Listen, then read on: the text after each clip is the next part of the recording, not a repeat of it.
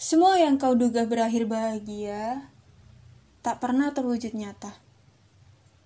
Tak pernah sadar bahwa hanya dianggap teman, tak lebih dan tak kurang.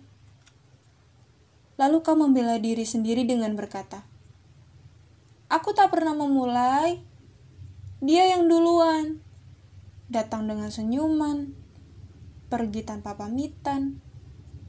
Lantas, Lantas mengapa ku masih menaruh hati? Kayak gitu. Jika dia saja suka datang dan pergi dengan sesukanya Kenapa kau tak sadar? Kau hanya tempat singgah sementara. Kau mengelak lagi.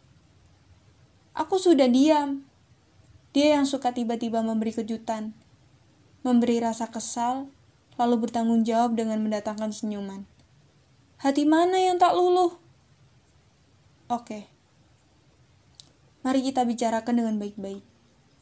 Gimana gimana? Kenapa kau menyesalinya yang pergi? Bukannya kau sudah tahu jika dia suka datang dan pergi?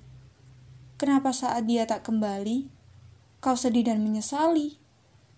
Oh iya, lupa bahwa kau sudah ada rasa sedangkan dia tak pernah merasa. Ya kan? Gak apa-apa kali, lebih baik realistis, walau menyakitkan. Begini, memang kita tak pernah tahu ke depannya bagaimana. Bahkan kau cukup sabar dengan tingkah lakunya. Kau tetap menerimanya walaupun dia menjadi orang yang menjengkelkan.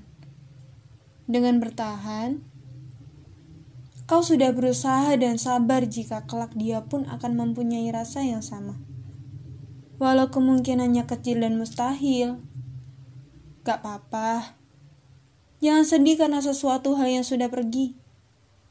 Aku tahu kau diam-diam berdoa kepada Tuhan agar dipersatukan. Tapi nyatanya, kau dan dia terpisahkan sekarang. Kita hanya bisa berusaha dan berdoa. Selepas itu Tuhan yang mengatur semua. Kita nggak bisa menyalahkan dan menuntut Tuhan dengan apa yang kita mau. Bahkan Tuhan saja lebih menyayangimu daripada dia. Karena Tuhan tahu dia memang bukan yang terbaik. Jadi wajar dong kalau kau dipisahkan. Ya walaupun kau sedih sampai berbulan-bulan.